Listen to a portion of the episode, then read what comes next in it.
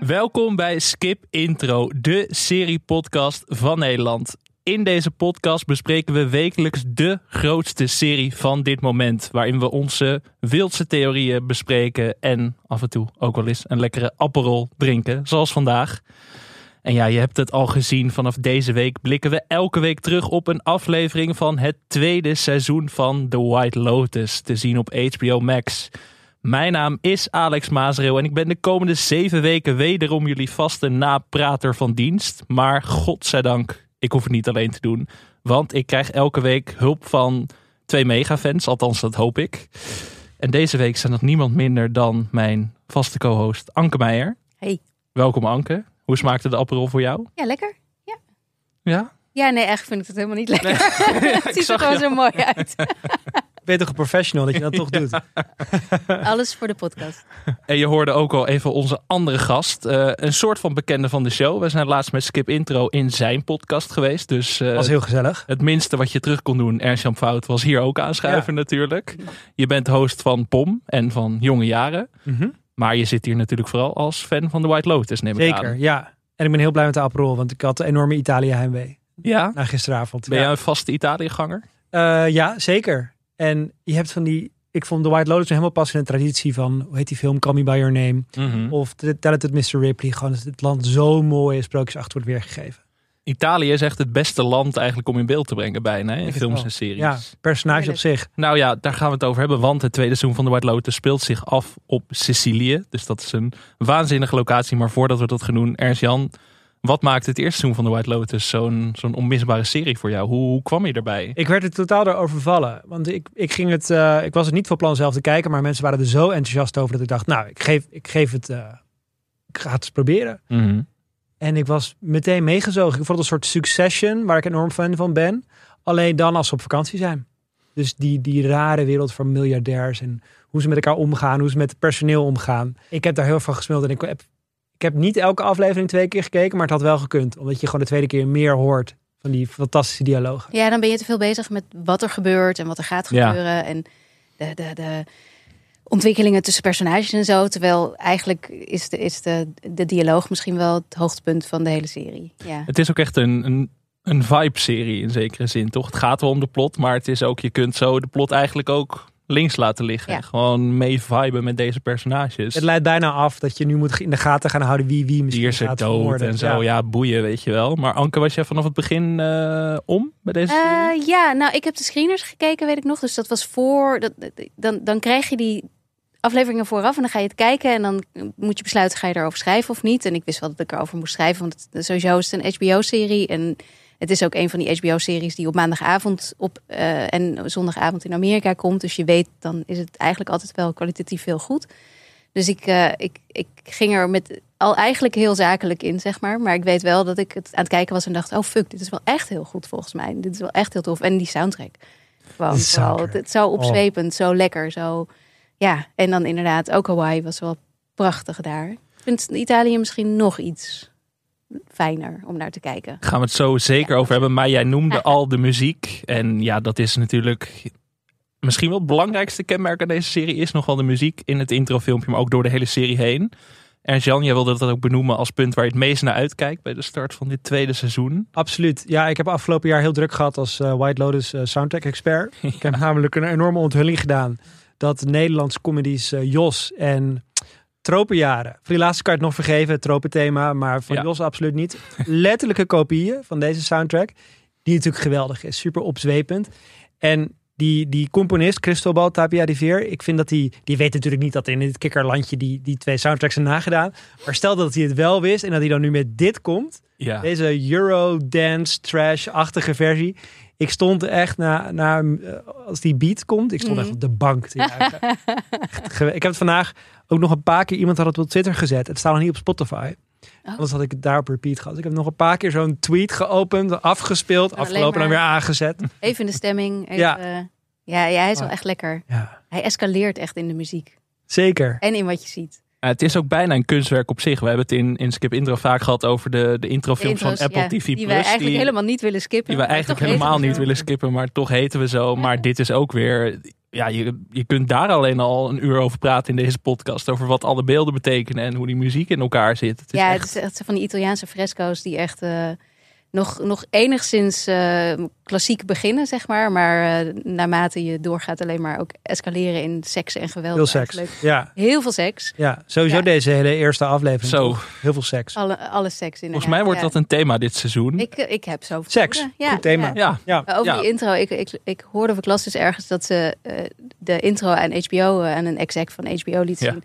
En dat hij bij die, dat, dat shot van die twee matrozen op het strand, dat hij zei, zie ik daar wat ik denk dat ik zie? En dat ze zeiden, ja, oké. Laat maar. Ja, nee, echt eh, een prachtige, volgens mij een voorproefje voor wat er, eh, voor wat er komen gaat dit seizoen. En mochten hier, mensen hier nu echt blind naar het luisteren zijn die denken van ik heb seizoen 1 helemaal niet gezien. Dat is jammer voor jou, maar het maakt niet heel veel uit. Want, belangrijk om te vermelden, we noemden al de nieuwe setting. Er is ook een nieuwe verhaallijn in zekere zin. Maar de hele cast is ook nieuw. Ja, op eh, twee mensen na. Ja, op twee of één belangrijk personage en één bijpersonage na. Maar dat is ook wel grappig om te kijken wie daar dan in zit. Ik merkte het bij mijn eigen voorpret wel toen, ehm, toen bekend werd dat Christopher uit The Sopranos en April uit Parks and Recreation, eh, oftewel Ja. Michael Imperioli en Aubrey Plaza. Ze zijn meer dan alleen Ze zijn maar. meer, nou ja, toch Ah, ja. in zekere zin ook weer niet. Want daar gaan we het later in deze aflevering ook over hebben. Maar ik dacht toch wel van. Zij zijn wel twee acteurs die heel erg hangen aan één personage. En dan vind ik het wel heel vet dat ze nu in een andere HBO-serie alsnog opduiken. En heel Tenminste, eh Aubrey Plaza valt mee. Die doet goed wat ze, wat ze vaker doet. Maar eh, Michael Imperioli vond ik... Het was geen Christopher, toch? Nou, wel in de zin dat hij Christopher in de Sopranos natuurlijk graag een filmscript schrijft. Dat klopt. Ja. Ja, die, En hij is die- nu een ja, filmbom. Ja. Klopt. Ja, ik dacht ook, hij heeft Ja. het gemaakt. Wat Ik leuk dacht- voor ja, hem. Ik Ja. dacht toch van het is Ja. een soort multiversum misschien wel. Dat dit nu heel anders is afgelopen ja, met was Christopher. andere tijdlijn. Maar Ja, volgens mij kwam die uit Napels, Christopher. Ja. Oorspronkelijk. En dit is natuurlijk Siciliaans. ja, je moet het net niet te veel factchecken. Nee, Eigenlijk nee, dat is het om deze illusie stand te houden. Skip intro. In dit tweede seizoen reizen de veel te geprivilegeerde personages af naar het prachtige zonnige Sicilië, waar ze onthaald worden door het toegewijde team van Resort The White Lotus. Uiteraard komen de personages per boot aan, want waarom ook niet? Terwijl ze zich laven aan zon, zee en alcohol, krijgen we een kijkje in hun soms wat minder rijke levens. En helemaal in White Lotus-stijl worden we aan het begin geteased met een moord of moorden. Er is weer een lijk. Er in de een openingsscène zien ja. we in ieder geval een been van een lichaam drijven. Ja, ja. Hebben jullie al een soort beenanalyse gedaan? Van, eh Als kijk, we been wel. Force been, Man. leek een mannenbeen, hè? En. Ja. Ja, dat, dat is wat je zag, meer niet. We gaan aan het eind van deze aflevering vast wel even speculeren over wie, eh, van wie dat been precies zou kunnen zijn. Ehm, maar het is toch alweer ehm grappig dat er een moord nodig is voor dit verhaal. Dat was natuurlijk ook de spanningsboog van seizoen 1. En dan was nu de vraag, van, Ja, gaan was ze dat het- weer doen? Is het was nodig? Het, was het de spanningsboog van seizoen 1? Want ik was het vergeten op een gegeven moment. Oh ja, Jullie? Ja, ik Stond dacht de hele tijd, gaat hij, die, gaat hij zijn arme eh, vrouw afmaken? Ja, dat, dat was Dat- wat in het begin ja. wat je meteen dacht inderdaad. En aangezien dat huwelijk niet zo lekker liep, dacht je dat. Maar Maar daarna vergat ik het ook. ik was er niet zo mee bezig inderdaad. Dus ik vraag me heel erg af of dat nu weer zo gaat zijn. Wat ik wel heel grappig Ik vond het wel een hele leuke openingsscène. Ja. Eh, ook wat ik heel grappig vond was dat er meer mensen op dat strand waren dan in het hele eerste seizoen van The White Lotus. Dat is natuurlijk tijdens een lockdown en, Ja. en, eh, op een hele kleine set opgenomen. Dus dat, daarmee had ik al het idee van, oh wat een rijkdom. We gaan nu echt nog meer, dit, dit wordt nog beter dan het vorige seizoen. Dat, daarom alleen al had ik dat gevoel heel sterk. En ehm, ja, dat zij dan inderdaad, hoe heet ze? Ehm, Daphne. Daphne, inderdaad. Dat zij dan daar zo'n heerlijk lullig gesprekje aan het voeren is. Nou, jullie gaan het hier zo fijn vinden, echt. Je, ze moeten hier wegslepen. Gewoon, ze moeten hier dood wegslepen, zegt ze min of meer. En vervolgens, Wat er ook gebeurt, zij heeft dus in ieder geval een leuke week, leuke week gehad. ja, precies. Dat zat ik ook al te bedenken. Want, want Ja, er kan van alles met haar misgaan, met die relatie. Of weet je wat, het is toch Ja. de White Lotus. Maar ja, zij heeft de vakantie van de leven gehad. Dus ik ben heel ja benieuwd, of ze is eh, blind voor de realiteit. Want ze wisten ook niet meer of ze gestemd had. Dus misschien ja, dat er ook Ja, wat, dat- eh, ja, wie weet. Ja, wat hersenruis was. bij haar weet je het misschien niet zeker. Nee. En dan gaat ze inderdaad de zee in en dan is daar dat lijk. En dat dan de manager van het hotel eh, daar aankomt en dat ze dan dat, dat, eh, dat ze aan haar, haar rechterhand of zo vraagt van oh jee, wat is er aan de hand? Ja, dat is een, is een, eh, een lijk in zee van oh in zee. Oh, maar dat heeft niks met ons resort te maken. Geen property. Zo, is- ja. Alsof het geen, eh, eh, wat is het ook alweer een succession, no Real person. real, Oh, real ja. person involved. Alsof het dat is, inderdaad. Ja. Oh, als het niet bij ons is, dan... En dan zegt hij, ja, ja, maar er zijn wel meerdere gasten omgekomen. Oh, hoeveel? Ja, a few. Dus Ja. hoeveel? één, twee, drie, ja, meer dan één. Misschien dat de Ik- halve kast gewoon wordt uitgemoord Wie dit weet. seizoen. Dat Het zou zomaar kunnen, ja. We gaan, ja. We gaan, nog, we gaan nog een poeltje doen, toch? Ja, We gaan aan het eind van deze aflevering een poeltje Nou, doen. Dus dan, eh, daar word je op afgerekend hè, aan het eind van dit seizoen. Dat weet je. Eh jij wil het ook nog even hebben over de vazen, Anke. Of, eh, ja. ja dat, want dat is als je het dan over een moordplot hebt, inderdaad, wat wordt opgezet. Eh, de vazen die daar dus allemaal te zien zijn, de, de Testa di Moro. Ja. Testa di Moro, de vazen van, van hoofden die daar overal door het eh, hotel staan. En dan legt dus. Fucking creepy. Ja. Echt heel erg Naast- creepy. dat je- Dat je dat naast je bed hebt staan. Leg daar een t-shirt overheen in ieder Ja. geval. Zo. Ik zat echt te denken van, daar, ga je, daar kan je toch nooit meer slapen. Ik zou echt geen oog dicht meer doen. Als Maar ik vond je er zo eng uitzien? Ik vond ze, de- ja, vooral als je Ja. het verhaal erbij weet dat Ja, het afgehakt weet. is. En wat die man, wat Rocco in geuren en kleuren Ja. vertelt. Dat het inderdaad, het, is, het, het, het, het komt voort van een heel, heel, heel oud verhaal over eh, een, man, een Moorse eh, man die naar Sicilië kwam, die daar een meisje ehm verleidde. En eh, vervolgens eh, eh, zei van nou, ik ga weer terug naar, naar mijn eigen land, want daar heb ik een vrouw en kinderen. En dat zag zij niet zo zitten en ik heb het even verder opgezocht. Toen heeft ze hem in zijn slaap onthoofd en vervolgens dat hoofd op haar balkon gezet. Wat stond een balkon vol bloemen. En daar de basilicum in laten groeien. En die groeide zo goed dat al haar buurtgenoten in Palermo zoiets hadden van... nou, we gaan allemaal vazen maken. Niet van echte hoofden. Niet van, ik zie Ernst-Jan kijken. What the fuck? Niet van echte hoofden. Vazen maken eh, die, als, als, eh, die eruit zien als een hoofd. Hoe zou basilicum smaken? Zou die een extra... Ja, dat groeide Smaakbeleving heel hebben. goed, blijkbaar. Maar ik, Oh. ik, ik kan me niet voorstellen dat het echt zo was. Want het rot natuurlijk aan alle kanten. Is dat ook waar de uitdrukking "I- dit is goed voor de plantjes vandaan komt dan? Wie weet. ja, dat zou Wie ook zo kunnen. Ja. Dat- Ja. maar het werd net iets te vrolijk verteld, dit verhaal. Maar, Maar het is, dus- het is echt een, het is, het is echt. Dit is niet verzonnen door Mike White. Dit is echt. ja, Eh, het zou kunnen een dat er ook verhaal, wat, hoop ik, maar wel een, een echte legende. Het zou kunnen dat er wat foreshadowing in zit, toch? In dit Ja, verhaal. dat lijkt mij toch wel. Ja, Wordt niet ligt voor er niks wel dik verteld. bovenop. Hè. Want je hebt, op twee momenten komt het heel erg duidelijk terug, die kop. Eén keer, als, daar gaan we het denk ik zo nog over hebben, als er een suggestie van... Nou, niet vreemd gaan wordt gezegd, maar wel van Beetje mis- onbehoorlijk eh, gedrag. Eh, en een andere keer tijdens de seks. Dat eh Ja, oh Tonja eh, gaat dis, disassociëren. Ja, het Jennifer. Coolidge personage. Ja. Ja. Ja. Omdat ze die kop, eh, ja, die kop die ziet ze eigenlijk op de man. ja, die ziet ze over. en Omdat ze, ze zegt omdat ze de een of ander verdovend middel had genomen voor de reis. Ja, natuurlijk ehm, heb ik ook een favoriete scène meegenomen. Maar die hadden jullie waarschijnlijk allemaal wel willen slash kunnen kiezen. Ja, jij was de eerste, geloof ik, die hem koos. Ja, hebt ook niet leuk. Ik zat als Ja. eerste in het draaiboek. Dat was eh, voor de verandering ook wel eens leuk. Ik denk, nu grijp ik gewoon mijn kans. Want we hebben het natuurlijk over de, de Aperol scène. Ja, waarom wij nu aan de appelrol zitten. Ja, eh, de, de twee echtparen die samen op vakantie zijn. Die zitten samen lekker te, te keuvelen over van alles. Eh, Ja. Tot groot ongenoegen van Harper. Dus gespeeld door Aubrey Plaza. Ja, en Harper is getrouwd met Ethan. Ja, en Gespeeld door Will Sharp, wat een Brits acteur is trouwens. Hm, Ja, ik hoorde Oh. net zijn echt accent. Toen dacht ik, oh, waarom had hij die niet gebruikt? maar dat ben ik. want hij speelt echt zo'n Silicon Valley tech Ja. guy, toch? Die Ja. vibe krijg ik wel van hem. Die net zijn bedrijf verkocht heeft, volgens Ja. mij, toch? Ja, en hij is een beetje, een beetje een sukkel. Wel een sympathieke sukkel volgens mij. En zij zijn dan samen op vakantie met Cameron en Daphne. Die we net al even noemden. Omdat zij in het intro of in, het, in de openingsscène het lichaam ontdekt. Ja. Ja, en Cameron en Daphne, dat zijn eh, mensen die niet meer het nieuws volgen. Die zich niks aantrekken van de buitenwereld. En die niet eens weten of ze gestemd hebben. Hoe heb jij naar deze scène gekeken, Ernst-Jan? Nou, volgens mij zijn Cameron en Daphne zijn altijd al rijk geweest, toch? Die, Ja. die eh, zijn gewoon geboren in rijkdom. En eh, Ethan en Harper zijn natuurlijk nieuwe rijken. En ik vind die dynamiek dus heel grappig. Dat je merkt dat, dat Cameron en Daphne zich nooit erg zorgen hebben hoeven maken.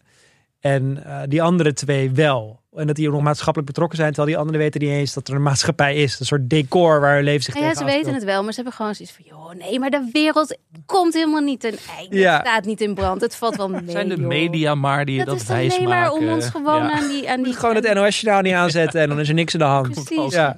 Ja, wat ik grappig is in die dynamiek is dat je die Ethan, die kijkt dan heel erg op tegen Cameron of zo. Dat is een soort Ja, wat alfa man voor hem of zo, waren denk dus ik. vroeger eh, Roommates. roommates. Ja, College roommates. maar daar zit wel ook een Daar soort van iets. machtsverhouding in ik al weet- tussen hun. Dat- ik ben daar heel erg benieuwd naar, ja. Want Cameron lacht Ethan het het uit dat hij nooit seks had tijdens zijn eh, studententijd. Omdat hij alleen maar aan het werken was. Dat Ja. Die komt was de een start-up aan het maken. Ja. ja, komt de hele tijd terug. Op ongepaste momenten. En Ja. die, die Cameron staat eigenlijk heel veel, nou ja, seksualiteit uit. Ook die, hij kleedt zich letterlijk uit op een gegeven moment. En die Ethan is echt een beetje de, de, de zullige nerd die achter hem aan schokt en nooit zo... En ook de hele tijd aan het werk is. eh, s S'avonds in bed is Ja. hij nog eh, zit Ja. hij lekker te typen en zo. En dan heb je Harper, wat nu al mijn favoriete personage is, denk ik. Heel herkenbaar ook. Of tenminste, echt zo'n White Lotus personage waarvan ik denk... Als ik echt kut zou zijn, zou ik zo zijn, denk Ja. ik. Of als ik Ja, dat alles- zou toelaten of zou toestaan in mezelf, dan zou ik zo reageren in sociale is- situaties. ze is natuurlijk, ik, ik kan me voorstellen dat, ze, dat niemand haar sympathiek vindt. Maar alles wat ze zegt, daar ben ik het dan Ja. weer wel mee eens, zeg maar. Dus, is- dat is heel een beetje ingewikkeld aan zo'n personage. En ook heel goed wat Mike White dan, de, de maker, dan doet. Dat je bij zo'n personage denkt, oh, ik vind haar eigenlijk heel irritant. Maar oh, fuck, dat ben ik misschien wel, weet je wel. het, raakt wel. eh. Gewoon iemand die ook de, de, de neiging om sociaal wenselijk gedrag te vertonen helemaal heeft uitgezet. En daar heb ik toch ja, niet respect voor, maar toch ook wel dat je ook zou denken van hoe zou ik dit in een alternatief universum, hoe zou ik me dan gedragen in dit soort situaties. Maar die hele scènes hebben het op een gegeven moment over, dat, eh, over series kijken. Toen moest ik toch ook even aan ons denken, ja, ik Anke. ook, ja. ja. ja, we kijken documentaires. Nee, nee, die kijken we niet. Nee, Ja, het viel ook iedere keer zo mooi stil. Ja. En de muziek Ja. viel dan ook. Ging echt zo, waar, waar, waar, bijna de, equivalent van... eh, Dat is toch een heel Amerika. Je hebt lang in Amerika gehad, Anke. Het is toch een heel belangrijke gesprekstijl in Amerika dat je elkaar mirrored. ja, Dus, ja, maar oh, I dat, have the dat, same thing. Oh Ja. my god. en dat lukt dus daar Nee. niet. Iedere keer valt het gewoon weer dood. Want dan zegt één van de twee weer iets waarvan de ander denkt... Nee, nee, echt niet. En dan, en die, die ehm, hoe heet die? De man van Harper? Eh, Ethan. Ethan. ja. Ethan. Personage, We moeten namen nog, van ja, we moeten nog even, we even ingroeien. Ja. even groeien. Maar Dus in ieder geval geen Dracarys, Rhaenyra Nee, dat, meer. nee dat ze hebben niet allemaal dezelfde naam. maar Ethan is inderdaad dan nog degene die het probeert. En die zegt dan, ja, eh, Ted Lasso. Ja, natuurlijk hebben we Ted Lasso. Oh, Ja, Ted echt zo'n Lasso, handreiking. Such a likable person. Ja, en dan, En zelfs die wordt dan en dan weer... zegt nee, Harper dat weer, nee, Nee. nee. Maar En in- ik hou van Bintje. Nee. Het is zo leuk. Ik zag ook al een soort aanwijzing al voor. Ik weet niet of ik nog over het moordplot mag beginnen al. Maar ik zag hier ook al een soort aanwijzing in deze uitwisselingen rond de Aperol. Dat je, je hebt toch die, die wet van Chekhov. Als er een pistool wordt getoond, dan moet het af- later in het toneelstuk afgaan. Mhm. En op een gegeven moment zegt Daphne dat ze eh zoveel series houdt. Dateline. Ja, waar mannen Ja. op vakantie hun vrouw vermoorden. Ja, ja, want dacht, het- zit daar niet al iets? Ja, ja over, en, en eh, mannen die hun vrouw, omdat het op vakantie gaat, dat heel makkelijk, zegt ze. Want mannen kunnen dan gewoon de zuurstof eh, toevoer tijdens het snorkelen van hun vrouw eh, afklemmen of wat dan ook. Heel letterlijk, toch? Ja. Eigenlijk Ja, al. Van je, ze, ze vertelt al wat er kan gebeuren. En dan Ja. wordt iemand in de zee Ja, we zien Ja. iemand in zee drijven. Dus, zo obvious dat je bijna denkt dat is, dat is te makkelijk voor Mike White. Ja, of misschien Ja, dat hij er juist een twist aan ja. geeft, waarschijnlijk aan het einde. Daar zal het wel op neerkomen. Ernst-Jan, jij wilde het ook hebben over een, eh, nou ja, een soort sociale scène, in ieder geval in een sociale setting, in een restaurant. Ja, Waarom wilde je die scène specifiek uitlichten? Nou, volgens mij is dat de enige scène waar alle personages ongeveer langskomen. Dus dit is, dit is de eerste avond. Iedereen is aan het eten. En eh, je gaat al die tafels af. Er zitten hilarische momenten tussen. Vooral, vooral als dan op een gegeven moment Tonja, de rijke vrouw, haar assistent ziet zitten. Die daar niet mag, zitten, die daar niet mag zitten van haar. En dan zo stiekem zo go home roept. Toen heb ik echt heel hard gelachen. Eh, maar de, mijn favoriete scène tijdens de restaurantscène is de, de drie generaties aan tafel. De, het- de, de grootvader, vader en zoon die naar Sicilië zijn gekomen om hun roots te ontdekken. En ehm, ja. Ja, Bert, Dominic en Albie. Gespeeld door F. Murray Abraham, Michael Imperioli en Adam DiMarco. ze hebben daar een gesprek over ehm, erecties en masturberen. Ja. en ik kan me gewoon... Met je opa, hè? Ja, met je opa. Mijn opa zijn er helaas niet meer. Maar ik kan me niet voorstellen ooit aan mijn opa te vragen van... Krijg je hem nog omhoog, grootvader? En dat doet de Albie wel. Eigenlijk zegt hij het zo inderdaad. Ja. Ik heb nog omhoog, grootvader. En eh, hoe, vaak, eh, hoe vaak masturbeer je eigenlijk nog? En Iedere dag, zegt Iedere hij. dag? Het moet van de dokter. En die man, die opa, is natuurlijk de hele tijd... Elke vrouw die die ziet, probeert hij te versieren op een, op een wanstaltige manier. En dan op een gegeven moment zeggen ze van, zegt hij van... Maakt toch niet uit... ehm, maakt het niet uit zo'n oude man als ik. En eh, qua, qua piemel maakt het ook niet meer uit. En dan zegt hij... eh, It's a penis, not a sunset. Ja, die vind, ja, dat was echt hardop lachen voor mij. Ja, Ja. dat is echt een heerlijk citaat. Ja. Hij werd sowieso al snel wel een van mijn lievelingspersonages. Ook omdat, omdat F. Murray Abraham speelt hem ook dan lekker groot, lekker vet, weet je wel. En lekker ook een beetje knullig. Ook dat hij natuurlijk, hij valt op een gegeven moment en zo. Het is ook wel, het was een, echt zo'n, een beetje een goor personage. Maar ook wel, ik vond hem ook wel weer meteen iets liefs hebben. Hoe Goor en ook kwetsbaar tegelijkertijd, Goor en ja. kwetsbaar, ja. Ja. Dat had hij tegelijkertijd wel. Ik vond dat, dat de acteur dat wel echt knap speelde ook. Ja, hij is, ja, hij is wel, hij is echt, hij is van de oude stempel. Ja. En dan is zijn zoon, is, die, die weet wat goed en wat fout is. En, en gedraagt zich daar, zeg maar, in, in publiek naar. Ja, in het Maar publiek, want hij is ondertussen- wel een gigantische vreemdgaander. Precies, ondertussen is die keihard vreemd gaan, eh, horen we, of, of dat ontdekken we wanneer hij aan de telefoon zit met zijn vrouw, ex-vrouw. Blik dan van hem. Ja. Ja. En weet je wie die ex-vrouw speelt trouwens? Nee. Laura Dern. Ja, oh, dat Ja. was me zo. Ja, ik, oh, ik herkende de stem, maar dat is dan Ja. zoiets waar ik dan niet meer. Waar is hij eh, van? Sorry. Ja, nu merk je dat het Eh, dat Jurassic de... Park onder andere. Oh, oké. Eh, Laura Dern. ehm, Oh, is zij, die, is zij de moeder in eh, Jurassic Park? Of nee, de moeder, die vrouw met die krulletjes. Gewoon van de originele Jurassic Park. Ja, dat bedoel ik. Heeft ze, heeft krulletjes daar? Weet ik even Oh. niet. Ja, een beetje. Gewoon de- de Laura Dern, eh, vrouw? Big Little Lies had ze ook Ja, in. Big. Little Lies. Dus, eh, Nee. Lange, lange, dunne blonde vrouw. Oké. Marriott Story zat ze ook in. Nou ja, ze in ieder geval, dat- zij werkt samen met Mike White. eh, Ah, eh, vandaar. en- Enlightened hebben zij ook samen Ja, gemaakt. precies. Daar, eh, Daar, kunnen eh, mensen haar ook van kennen. Oh, maar dat was me Ja. nog niet opgevallen. Ja, ja. Dit is, dus eh, ik hoop eigenlijk dat ze misschien nog... Nou, het is geen scoop, want dat heb ik natuurlijk ook van internet. Ja, ja. Maar eh, eh, ik, eh, ik, ik heb gewoon even goed gekeken. En kwam maar toevallig tegen. Maar nee, Ik denk niet dat ze terugkomt, want het klonk wel of ze de deur definitief Ja. ingooit. definitief, ja. Maar wie weet, wie weet. Ik denk ook wel inderdaad dat dit is ook weer... Dat je denkt, oh ja, dit is HBO. Want ze hebben gewoon als gewoon gaststemacteur Laura Ja, Dern. fantastisch. Een Ja. Oscar-winnaar gewoon echt voor een soort telefooncameo. Maar dat is sowieso deze serie. Ik weet hoeveel geld dit weer gekost zal hebben ook. Maar dat heb je met Succession natuurlijk ook de hele Ja. tijd. Dat ze Ja. dan die hele cast weer nou ja, met een of andere luxe jacht naar de kust van Kroatië sturen of zo. En dan denk ik van, waar ze dat geld toch vandaan halen? En nu ook weer. Want jij had opgezocht hoe duur dat hotel was, toch? Ja, Ja. ik dacht, het, het blijkt het Four Seasons te zijn. Ja. Ah, het is een Four Seasons. Ja, en die, die kamers hebben ze wel mooier gemaakt dan in het echt. Want in het echt is het een beetje fineerachtige vibes. Terwijl in Mm. de serie is het prachtig. En ik heb even gekeken, als, over, als ik over twee weken wil in de executive suite. Dus genoeg ruimte voor ons drieën. Mhm. Er zit ook een plunge pool in de suite zelf. Oké. En eh, kost eh 2500 euro per nacht. Oh. Per nacht. Oké. Per nacht. Ja, niet voor de hele week, per nacht. Hoeveel skip intro's moeten wij daarvoor opnemen? Anke? Waarschijnlijk nog drie seizoenen of Ja. zo, hè? Voor één nacht. ja, zoiets. Ja, ze mogen ons bellen. Ook al. Live ja. op locatie Ja. die podcast Ja. opnemen zou ook wel leuk zijn. Nou, 2500. Ja. Zou, je, zou je dat waard vinden, denk je, voor één nacht?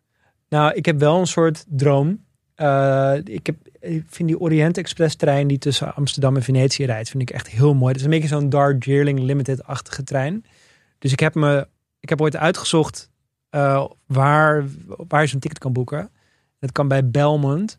En eh, dat is zo'n overkoepelende reisorganisatie. Die hebben allemaal van die hotels zoals, als- zoals dit hotel ook. En ik heb me ingeschreven voor die nieuwsbrief. Dus nu krijg ik elke week krijg ik zo'n nieuwsbrief met alleen maar prachtige beelden uit Italië. Dus ik droom er wel van op een dag die trein te nemen en daarna in zo'n hotel te zitten. Maar ik denk dat ik daar nog een hele hoop podcast voor moet maken. het kunnen betalen.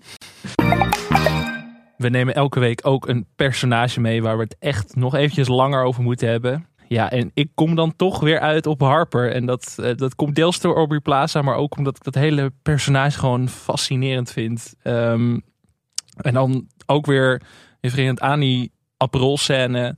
Die, die, die anti-smalltalk strategie van haar is echt heel erg goed. Maar dat is ze, inspirerend? nou, ik, nou, toch wel. Zeg maar, ik kan oké smalltalken soms of zo. Je wordt, je wordt steeds meer in dat soort situaties gedrukt. Betaald. Je wordt ervoor betaald ook. Dus ja, zeker in interviews of zo is het toch altijd zoekende. Van, dan, dan begin je een gesprek en dan... eh, sommige mensen zijn heel erg harpers. Ik ken genoeg harpers die dan zeggen van... Ja, het gaat goed met me.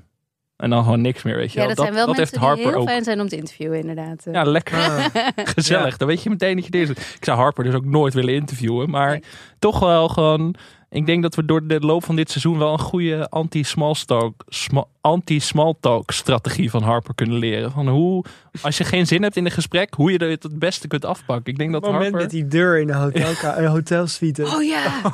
dat was Oh, echt top. Kijk, hier hebben jullie heel leuk een, een deur waarmee je de suites aan elkaar Ja. kunt koppelen. Nee, No, we Ja, niet gebruiken. No. Echt Want. Harper tijdens het Aperol-gesprek is Harper die de best doet. Ja, Ja. Dat, dit was al Harper Ja. die het best doet, inderdaad. maar met die deur Wat, was dan inderdaad... wel, wat ik dan wel weer heel oké vind. Want blijkbaar, want je, je kunt eigenlijk denken, zij is gewoon een bitch. En eh, absoluut niet aardig. En ze heeft ook een rot huwelijk met haar man. Met wie ze ook een beetje een hele gekke ehm, vibe heeft. Dat ze zijn eten voor hem gaat bestellen en zo, zeg maar. Oh ja. Ja, ook nog. Dus er zijn eigenlijk heel veel dingen die niet leuk aan haar zijn. Maar ze doet wel weer de best voor haar man. Omdat ze weet dat het belangrijk voor hem is. Ja. Maar wel haar best op haar eigen manier. Dat dan wel. Ja. Maar het is, het is wel gelaagd. Maar ik vond haar dus ook niet onsympathiek of zo. Ik kon het juist wel hebben. Dat... Nee, ze is gewoon heel awkward. Ja. Socially awkward. En in die zin zit er wel enige overeenkomst met haar personage uit Parks and Rec. Dat je denkt van het is een iets meer volwassen versie van April uit die serie. Moet Ja. ik toch eventjes aan denken. Nu we het toch over Harper hebben, kunnen we meteen de overstap maken Ja. naar Piemelgate. Eh, Cameron die zijn Ja. broek uittrekt waar Harper bij is. Ja, nou, dan wil ik eerst even beginnen inderdaad eh, met vragen. Wat denken jullie? Wist hij dat ze het kon zien of niet? ja, Ja, 100%. Ja, toch? Ja, Ja. oké. Ja. Nee, ik, ik, ik had ook ergens mensen die daar een beetje over twijfelden. Maar dit was wel heel duidelijk. hij trok al zijn shirt uit voor ze überhaupt naar die kamer ging. Ja. Hij was al begonnen. Ja, op het terras al, toch? Ja. Als ik niet kan zwemmen, dan maar lekker bruin worden. Ja. Weet je wel, zei hij ook. Ja. Ja, en hij trok inderdaad hup, al zijn kleren uit. En je zag ook een piemel. Ik hoorde dat er een ehm, versie, dat er meerdere versies natuurlijk van deze scène zijn opgenomen. Maar ook eentje waarin het nog duidelijker is. Waarin het echt min of meer full frontal. Deze acteur Theo James eh, gaat vaker eh, full Ja. frontal naakt. Eh, en het schijnt dat voor, deze, eh, voor dit, deze aflevering ook gedaan te hebben. Maar toen hebben Maar ze oh, het was wel zijn eigen... Ja, ja, ja. Oké. En toen hebben ze toch besloten, het zeg ik alsof ik weet hoe hij eruit ziet. Maar nee, voor zover ik heb begrepen wel. Ja, ik weet niet hoe, hoezeer jij een insider bent, Anke. Dat weet je nooit natuurlijk. Nee, eh, wat ik, wat ik voor zover ik heb gehoord. Eh, en ze hebben dus ook nog een andere scène opgenomen waarin het dus nog duidelijker was allemaal. Want dit was nog redelijk subtiel, waarin je dus nog een beetje kan twijfelen, deed hij dit nou bewust of niet? Eh, Hmm. Je kunt hem nog een soort van het voordeel van de twijfel geven. Maar ja, ik, mijn lezing was inderdaad ook dat het absoluut bewust was. En absoluut een powerplay. En ook dat zij het aan de ene kant vreselijk vond en aan de andere kant erg opwindend. Dat idee had ik ook een beetje. Ja, zeker. Ja, ze is wel geïntegreerd. Ja, Ja, toch? Ja. Het is ook wel... eh, HBO is steeds meer in de, in de, in de, in de piemel game, zeg maar. Ook Ja. Euphoria natuurlijk. Daar, daar Ja. vliegen de piemels echt om je eh, oren. Minx, daar had je er iets van 27 Minx, in ja, op scène. HBO Max ook Ja. te zien. Het is wel eh, een treintje binnen HBO. Ja. Nee, ja, en binnen meerdere series. Het is inderdaad, het is een beetje een reactie op het feit dat eh, Game of Thrones altijd eh, vrouwen hadden die volledig naakt waren. Eh, en eh, ja, nu mogen de mannen ook. Moeten we dat verder nog duiden? Nee, ik zat met tafel. visualiseren of er zo'n chart Ja. zou moeten komen waarbij het toename van aantal piemels ziet. Ja, Piemelquotum Ja, bij HBO of zo. Ik heb er een keer een, eh, een nieuwsbrief aangeweid, dus die kun je nog terugvinden. Waarom er steeds meer piemels in je serie? Zijn er heel vaak neppiemels? Eh, nou, nee hoor. Ik dacht dat er een hele Ja. business nu voor piemelprotheses is. In eh, die Tommy Lee en Pamela serie, hoe heet die ook alweer? Daar. Oh ja, dat is daar gaat hij natuurlijk ja. praten of zingen of wat is het? En daar, Die is nep dus. Die is wel die nep, kunnen ze ja. helemaal niet. Nee, dat kunnen ze Nee. niet. Hele goede CGI voor nodig. Ernst-Jan, jij wilt graag nog even wat langer hebben over Elby en of die echt zo lief is. Ja, want dat is natuurlijk een hele lieve saaie dude die Ja. niet eens durft op te scheppen dat hij op Stanford heeft De gezeten. kleinzoon. Ja. Ja, de kleinzoon. Maar ja, zijn grootvader is natuurlijk echt een viespeuk. Gewoon een beetje nog jaren, jaren 50 viespeuk. Ja. Dus gewoon elke vrouw is een, is een soort lustobject. En dat laat hij ook merken. En dan heb En je... hij denkt ook dat ze het fijn vinden als hij dat laat merken. Ja, want Ja. flirten is een van de mooiste dingen van de wereld. Of zo Ja, heeft hij het over. En dan heb je zijn zoon die dan weet dat het niet zo hoort. Hè, maar, dan, maar wel gewoon een eh, sekswerker bestelt. En, maar dan, dan heb je dus Elby. En die lijkt helemaal politiek correct. Maar dat kan ik me niet voorstellen als je in zo'n eh, omgeving opgroeit. En in zo'n serie speelt. En in zo'n serie speelt. en ook gewoon aan je grootvader durft te vragen van trek je hier nog af. Ja. Ik bedoel, dan zit er toch... En, en daar reageert, dan zegt hij ook echt een beetje van eh gadverdamme. En weet je, want Ja. eerst dacht ik nog dat hij dat heel fatsoenlijk deed. Maar daarna wordt hij eigenlijk best een beetje onaardig tegen zijn Ja, grootvader hij, raadt, weer. ja hij, eh, hij zegt dan ook eh, van als je 50 bent, Ja, dan, houdt je- het toch op. Dan houdt het op, waarop zijn vader, Vader, boos hallo. wordt. Ja, Ja. Dat vond ik wel een mooi moment, want die vader was eerst op de hand van de zoon. En Ja. toen zei hij 50 en toen, toen had hij ook zijn vader tegen zich. Dus daar zit meer achter. Het lijkt nu zo'n lieverd die dan die, die arme assistent op, opvangt. Ja, waar ik het graag nog ja. over wil hebben, over die assistent. Ja. Maar dat, daar moet nog iets gaan gebeuren. Ja, dat, dit is Tussen- dit- tussen- een dark horse, denk ik. Waar Ja. nog- ja, dat denk ik echt een poseur volgens mij. En, eh, die heel Misschien goed de lieve erger. jongen kan spelen. En erger waarschijnlijk nog erger. Ja. Ja. Ja, als ze dat en nu al... wat, wat dan inderdaad Laura Dern aan de telefoon zegt. Zo van, eh, hij heeft er wel moeite mee. Want ze hebben blijkbaar ook nog een dochter. En die wil dan geen contact meer met haar vader hebben. En dan zegt eh, Dominic, zegt, eh, ja maar Elby is gewoon hier. En die, eh, die, die vindt alles oké. Nou, Ja. dat vindt hij niet. Hij zegt het alleen niet. Hij is te lief om het te zeggen. Ja, Ja, maar hij, allemaal- inderdaad. er wordt van alles gepland hier. Hè? Zo leuk. Maar het feit dat hij ook zijn grootvader met een hersenschudding toch Ja. lekker laat liggen, omdat Ja. hij niet tegen zijn scheten kan, Ja, wat Dat zei snap ik wel hoor. Ja. had ik niet gedaan. Ik was wel gebleven. Ja? het is toch smerig, maar ik was wel gebleven. Oh, wat ben jij een goede Leven of dood Ja, kwestie. Ja. Ja, ook, ja, maar dacht je echt... Noise cancelling Ik, ik headphone zag op. niet, ik zag ik niet echt dat... Ja, maar dan heb je er niks aan. Dan hoor je niet of die doodgaat. Of Ja, ik zat op de bank gaan liggen. En ja, dat had ik ook gedaan. Ik was ook nooit in bed gaan liggen bij mijn Nee. opa. Maar Ja, de bank is een goed compromis volgens mij. ja, ja oké. Je weet ook niet hoe het ruikt in die kamer. Dat is natuurlijk ook Ja, ja. een belangrijk Het was wel heel vies. Ja.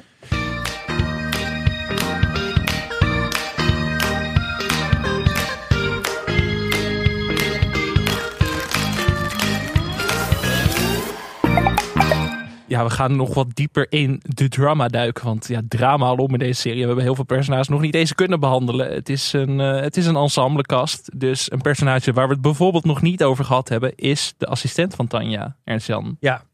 Als je, ja, het is natuurlijk een blik in de wereld van de miljardairs en de ultieme rijken. En wat is dan een ultiem privilege moment?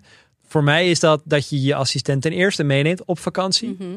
Dus waarom, waarom zou je je PA meenemen als je gewoon naar een plek gaat waar alles voor je geregeld wordt?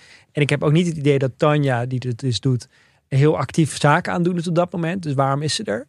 En dat, dus dat je dan dan aankomt, dat je je, man, niet je kerstverse man ziet. En dat hij dan zegt, waar die arme assistent bij Als staat. ze kijkt en Ja. alles hoort. Ja. Ook niet op een lage toon, maar gewoon hard van... Ik wil haar niet bij, hier niet bij hebben, stuur er weg. Dat is al erg.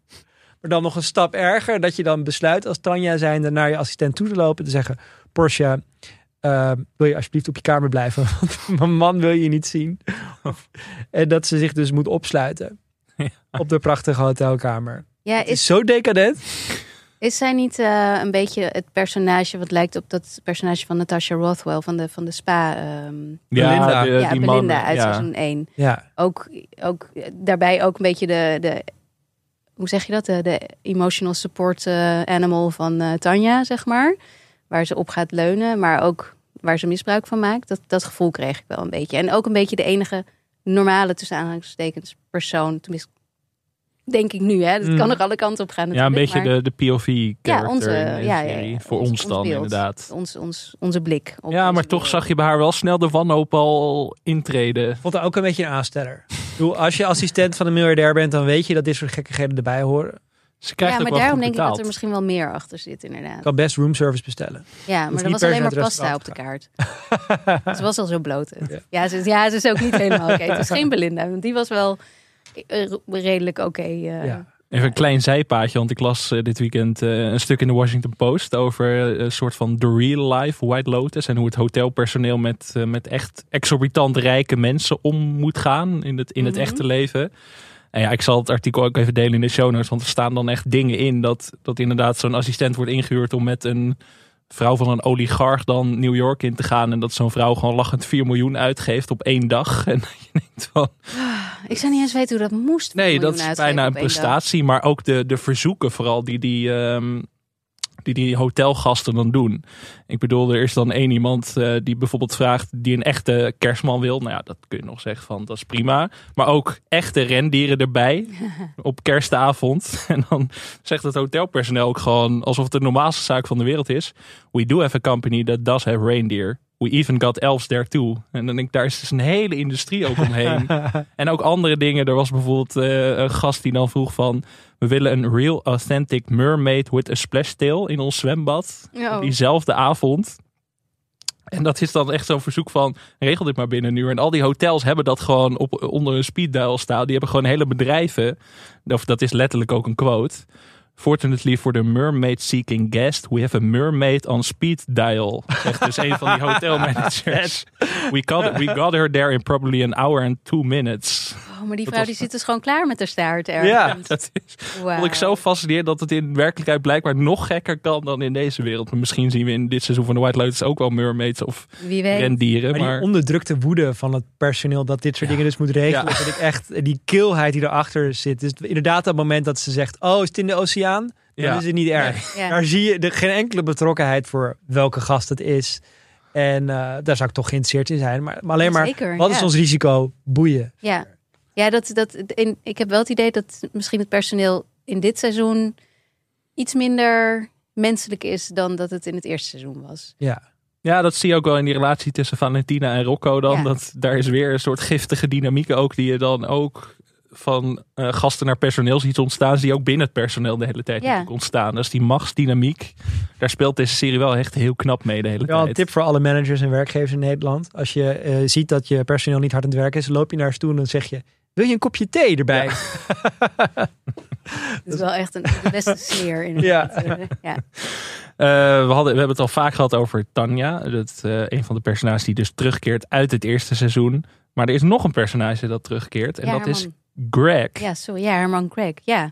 Wat En- was daar ook alweer mee? Ik ben vergeten hoe die twee. Ik, die kop kwam me bekend voor. Nou, het enige wat ik me nog kon herinneren was dat hij de hele tijd hoestte. Ja, hij, hij, hij was ziek volgens mij. Hij dacht dat hij hij dacht ernstig dat hij ziek ieder was. en moment neer ook zou doodgaan, ja. ja. Maar dat bleek dan later toch niet helemaal zo te zijn. En toen was het een soort van dat... carpe diem gevoel met eh, Tanja van eh, laten we er het beste Oh, was van dat in maken. de serie al? Dat was in de serie al. Oh, dus ze zijn verliefd geworden in Hawaii. Dat was Ja. het. Ja. Ja, dus die man zat er ook al in in het eerste seizoen. Maar hij was oké, dus ze het al dat hij niet meer ziek was. Maar hoe kun je nou opeens niet meer hoesten trouwens? Wat, wat, Ja, dat is ook een personage waar we nog niet heel erg veel Nee, van gezien hebben. helemaal, En toch? hij Nee. kwam in dit eerste seizoen ook veel sympathieker over dan in veel seizoen sympathieker, 2. want het was toch niet zo'n asshole als het nu is? Nee, dus misschien, ze zijn dus getrouwd ook. Dus misschien zijn getrouwd eh, en nu heeft zat hij er voor hem een cynisch aspectje aan. En om- hij heeft eh, stiekem met telefoontjes in de, in de badkamer Ja. ergens. Waar ze niks van mag weten. En ik vind het echt zo. Eet te veel macarons volgens hem. Ja. Ja. En dat ze dan, Mm. dan zijn er. Ze, je hebt ze alle vijf opgegeten. Nee, ik heb er maar drie opgegeten. Nee, het waren er vijf. Je hebt ze allemaal opgegeten. En dan vindt zij die twee. En dan is ze helemaal, gaat ze als een soort van puppy naar hem toe om te zeggen: Kijk, ik heb er echt maar drie gegeten. Ik vond het, ik vond het echt. Ja, ik vond haar personage altijd al redelijk tragisch. Maar nu eh, nog erger Ja. eigenlijk. Heel zielig. Ik, heb, wel- ja, ik had eigenlijk, hoop je dan na dat eerste seizoen, hoopte je een beetje van, nou, hè? Ze heeft geluk gevonden, maar op het moment dat Mike White haar weer kastte voor seizoen 2, wist je dat kan nooit lang duren ja, dat is natuurlijk. natuurlijk ook zo. Maar echt, eh, nee, ik, ik, ik, ik, buh.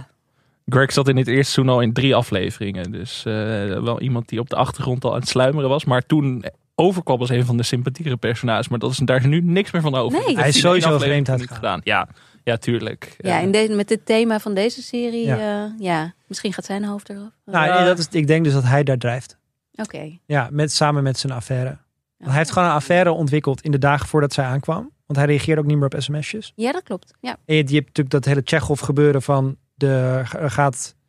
Ja, dan zeggen ze trouwens dat een, dat een man een vrouw vermoordt. Maar als je het combineert met die Maar- moorkoppen. En zij is er wel één die iemand kan vermoorden, Ja, denk in een ik. opwelling. Ja. Zij kan ook wel iemand het hoofd, denk ik. Dat sluit ik ook Ja. niet uit. Dus crack Als ze weer ze eh, niet de is. zuurstoftoevoer eh, afknijpen, dat kan ze wel, Ja. Nou, we zijn eh, vrij automatisch overgegaan Ja. naar het moordpoeltje eigenlijk al. Laten we ik daar dus maar blijven hangen. geld al ingezet. Ja, ik vind het best een goede theorie ook eigenlijk. Anke, heb jij daar iets... eh, Nou ja, ik hoop, ja, ik hoop dat het crack is, eh vooralsnog. Ik, ja, ik, het, de enige, ik heb dus die eerste scène meerdere keren eh, teruggekeken om te kijken of ik iets kon zien, om te kijken of ik zag of zij dan eh, in de armen van haar man valt of niet. Dat zou kunnen. Dat wordt op, op jou heel bewust een beetje vaag gehouden. Dus ik weet niet Ja, of, ja. of hij dan nog leeft of niet. Mm. Maar je zou in ieder geval denken dat, ja, aangezien zij zo gelukkig is in dat eerste. Maar misschien is ze gelukkig omdat ze ze allemaal vermoord heeft. Wie weet, dat kan ook nog. Ik, ik vind het heel lastig. Ik denk, ik, ik zoek het wel een beetje in de richting van Tanja en assistent en Craig. En, ehm, En ze zegt wel, je gaat het hier zo leuk vinden dat je dood weggesleept Ja. wordt. Ja. Toch ja, zoiets? ja, ja, ja, ja. ja, maar Ja. toch ook die Daphne die dan het lichaam vindt, dat is wel toch een soort wildcard of zo. Zij is wel ook een beetje vreemd of zo. Zij is ook een soort Tanja in zekere zin. En in het vorige seizoen was het natuurlijk ook, ehm, hoe heet hij ook alweer, die eh, uiteindelijk eh, de moord had gepleegd. eh, die je als eerste zag op het vliegveld terwijl de kist werd ingeladen. Dus ja, misschien is het wel weer dat degene die de moord pleegt als eerste met het lichaam in aanraking komt of zo. Dat zou ook nog kunnen. Omdat Harper en Cameron vreemd zijn gegaan bijvoorbeeld. Ja, wie weet. Ja. Ja, ik bedoel, daar zat wel daar zat wel wat, eh, wat spanning. Of misschien, eh, ja. Nou ja, sowieso, eh, daar wil ik het ook nog even even over hebben. Zijn jullie ooit op een koppelvakantie geweest überhaupt? Dus op Ja. een vakantie met een ander Maar wel- echtpaar. Maar wel meestal ook met kinderen erbij. Ja, is dat wel telt heel dan anders. Nee, dat- Je kunt het de hele tijd over je kinderen hebben. Ja, dan ben aan het einde van de dag zo moe Ja. dat er echt geen affaires meer ontstaan. Dus eh, Nee, toch? Nee, goed punt. Nee. Dat is de reden, ja. maar er wordt een koppelvakantie eh, zonder kinderen dus. Nou ja, nee, niet specifiek, godzijdank. Maar wel natuurlijk op vakantie. Dat je dan met een ander koppel in aanraking Oh ja. komt. En zelfs dat, dat vind ik dat. Ik ben dan zo iemand die dat vindt dat een paar uur leuk. Maar dan, eh, zeker als je in één hotel zit, dan kom je, kun je ook niet meer van mensen afkomen soms. Dus Heb je dat specifiek met koppels? tijd- Die, achter Eh, die aan jou kleven?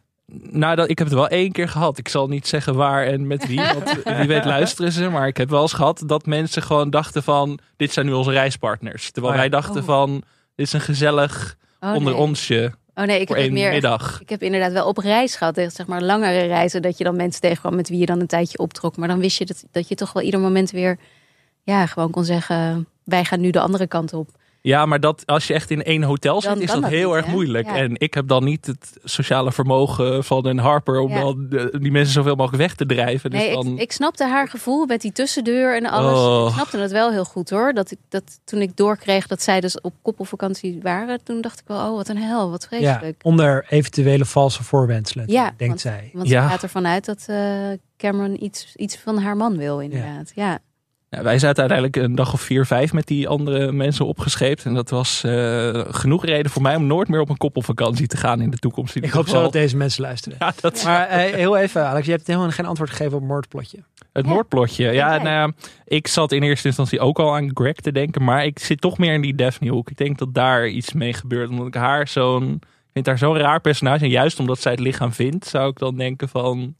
Is ze dat ook weer vergeten, net als dat ze niet gestemd had of zo. Het is wel, het wordt al wel... Er worden wat zaadjes geplant dat zij een... Dus misschien is het dan ook eh, een, een niet eh, echt persoon in haar hoofd, Ja, zeg maar. Ja, zoiets. Ik zat een beetje meer in die het hoek dus te niet zoveel denken. uitmaakt. Net Of als toch Albie die eruit drijft. Dat zou Omdat ook er kunnen. meerdere vrouwen verliefd op hem worden. Ja, dat hij de, een beetje de, twee, Casanova de twee van locals, wordt. bijvoorbeeld, we hebben het niet helemaal over gehad. Maar de Ja, daar hebben we het helemaal niet over Nee. gehad. Die kunnen ook nog wel eens heel belangrijk worden, Ja. de twee meisjes. Ja, de pianospeler ligt daar. Wat een creep was dat. hè? Zo. Ja, dat Ja. was wel echt een lekkere scène. Dat. Dat, dat Ja, en er ook komt nog een ander mannelijk, per- of er komen Ja. nog twee mannelijke personages in een latere aflevering. Eentje wordt gespeeld door Tom Hollander, ja, volgens mij. een- echt wel een echt van mijn favoriete Britse acteurs. Dit heb je hier ergens gelezen of zo. Ja, Nou, hij staat ook in de credits, Tom Hollander. Ah. Dus ik ken hem van hoe hij eruit ziet. Als je veel films en series kijkt, wel echt een gezicht dat je vaker hebt Ja, gezien. Dus ik dacht van, oh, hij komt er ook nog geen voor. Maar we weten nog helemaal niet wat voor personage hij gaat spelen. Want wij hebben nog niet voor uitgekeken. We hebben natuurlijk gewoon Nee. netjes met de luisteraars meegekeken. ik heb zelfs zo, zo min mogelijk reviews gelezen nog, omdat ik Hmm, niet ik eh, ook, ja. best wilde worden. Ik heb wel de trailer gekeken en daarin heb ik al wat dingen gezien die ik dus... Ik wist bijvoorbeeld al dat eh, eh, Dominic, een personage dat Michael Imperioli speelt, die sekswerker, ik moet Echt waar? zeggen, had. Dat is ja, spoiler. dat wordt dus in de, in de trailer al weggegeven. Nou, we hebben het hier over gehad, jammer. hè? Skip Want het werd heel, ja, en ja, we hadden het hier laatst over. Dat je Geen zei, ik kijk kijken. trailers. En Nee. ik moest hier meteen aan denken, want het werd. Ik vond het in de trailer vond ik het niet erg om te weten, maar omdat het zo mooi werd opgezet eigenlijk in dat seizoen, seizoen eh, in die aflevering, dat je dat je inderdaad eerst nog denkt dat hij best oké is en dan vervolgens blijkt hij degene te zijn. Het was echt een mysterie. Ik kan je vertellen, als iemand die dit niet wist, dat het echt oprecht spannend was voor, bij, bij wie bij wie ze naar binnen ging. Ja. Ja, nou ja, dat was voor mij idee. dus helemaal verpest. En er zit er nog, er zit nog iets in die eh, trailer wat ik heb gezien, wat ik hier zeker niet ga zeggen. En waar ik echt een beetje pissig om ben, dat ik dit al weet. Hm. Dus echt geen trailers kijken. Maar ik vind wel het ingewikkelde aan deze serie is dat ik een soort twee, twee een engeltje en een duiveltje op mijn schouder heb. En het engeltje zegt, richt je nou op de dialogen, geniet daar nou van. En het duiveltje is de hele tijd bezig met het plot. Ja. Ik denk, wat, wanneer komt het nou? Het gaat te langzaam, ik wil weten wat er gebeurt. Maar ben je dan, bedoel je dan het moordplot of eigenlijk meer al die andere dingen die er gaan gebeuren? Nou, je weet dat het op een gegeven moment helemaal misgaat. En daar wil ik zo snel mogelijk heen. Dus ik wil weten, wat, wat, wat, wat gaat er ontploffen? Terwijl, daarom zeg ik van, je moet het eigenlijk twee keer kijken. Dan kan ik dat, dat duiveltje is dan weg. En dan En kan je- het engeltje alleen maar genieten van de dialogen. Ja, mee eens. Maar daarom is zo'n recap doen dus zo leuk, want dan moet je het nog een keer kijken. Ja, Heerlijk. Volgens mij eh, zijn we er wel. Tenzij jullie nog iets hebben wat jullie heel graag kwijt willen over deze eh, seizoensopener. ik vond dit echt heel leuk om te doen trouwens. Ik heb nog nooit een recap aflevering gedaan. Maar het is een soort guilty pleasure. Je, kan gewoon, je hoeft geen voorkennis Nee. te, te gewoon lachen. lekker Gewoon spuien. lekker spuien. Ja, ik vond het echt heel lekker. Wanneer kom je weer? Ja, Nou, eh, ik zou draaien jullie me uitnodigen. dat gaat vast gebeuren, denk ik nog. Want we hebben nog zes afleveringen te gaan. Volgende week praten we uiteraard na over aflevering 2. En dan is onder meer Tietje Hogenoorn te gast. Plus nog een speciale gast. Eh, en ja, Anke, als de luisteraars voor die tijd meer, meer behoefte hebben aan series, Wat ik wel hoop. wat moeten ze dan doen? Dan moeten ze naar ons gaan luisteren. Ja, donderdag weer. Want ook donderdag is er een aflevering van Skip Intro. En daarin gaan we deze week is. eh, ja, we, gaan, eh, we zijn een soort onderzoeksjournalisten deze week. Ja, en we, gaan, onderzoeken, we gaan onderzoeken wat het geheim is van een Netflix-hit. Ja, de Netflix nummer 1. En dat doen we aan de hand van The Watcher en From Scratch. Ja, Dus De meest eh, recente nummer 1. En hier zijn natuurlijk een beetje de highbrow recensenten die niet begrijpen Ja, waarom ik. Ja. het plebs naar al die series dat, kijkt. we, dat gaan we ook absoluut helemaal uit. ja, dat gaan we inderdaad. Ja. we worden nog meer snops dan dat we al waren, denk ik, afvolgende of deze donderdag. Dus luister daar ook vooral naar. En ja, als je meer behoefte hebt aan specifiek recaps, dan kun je ook luisteren naar de podcast Reality Check. Want daarin wordt elke week een aflevering van Kamp van Koningsbrugge besproken. Het is heel wat anders dan de White Lotus, maar misschien als je wat balans wil zoeken tussen, tussen Sicilië en ehm, commando's, dan, eh, ja, dan kun je dat vinden in Reality Check. En dan kun je Skip Intro ondertussen gaan volgen op Twitter en Instagram. En Op lid Facebook? worden van Ja, de. Facebookgroep. en ik wil mensen ook vooral oproepen om op Facebook lekker los te gaan over de eerste aflevering van seizoen 2 van The White Lotus. Want jullie theorieën nemen we volgende week uiteraard ook mee. Ernst Jan, dankjewel en tot snel. Heel graag gedaan. Ja, tot snel. En Anke, jij ook bedankt. Ik zie jou donderdag. Ja, tot donderdag. Tot donderdag. Ciao. Ciao ragazzi.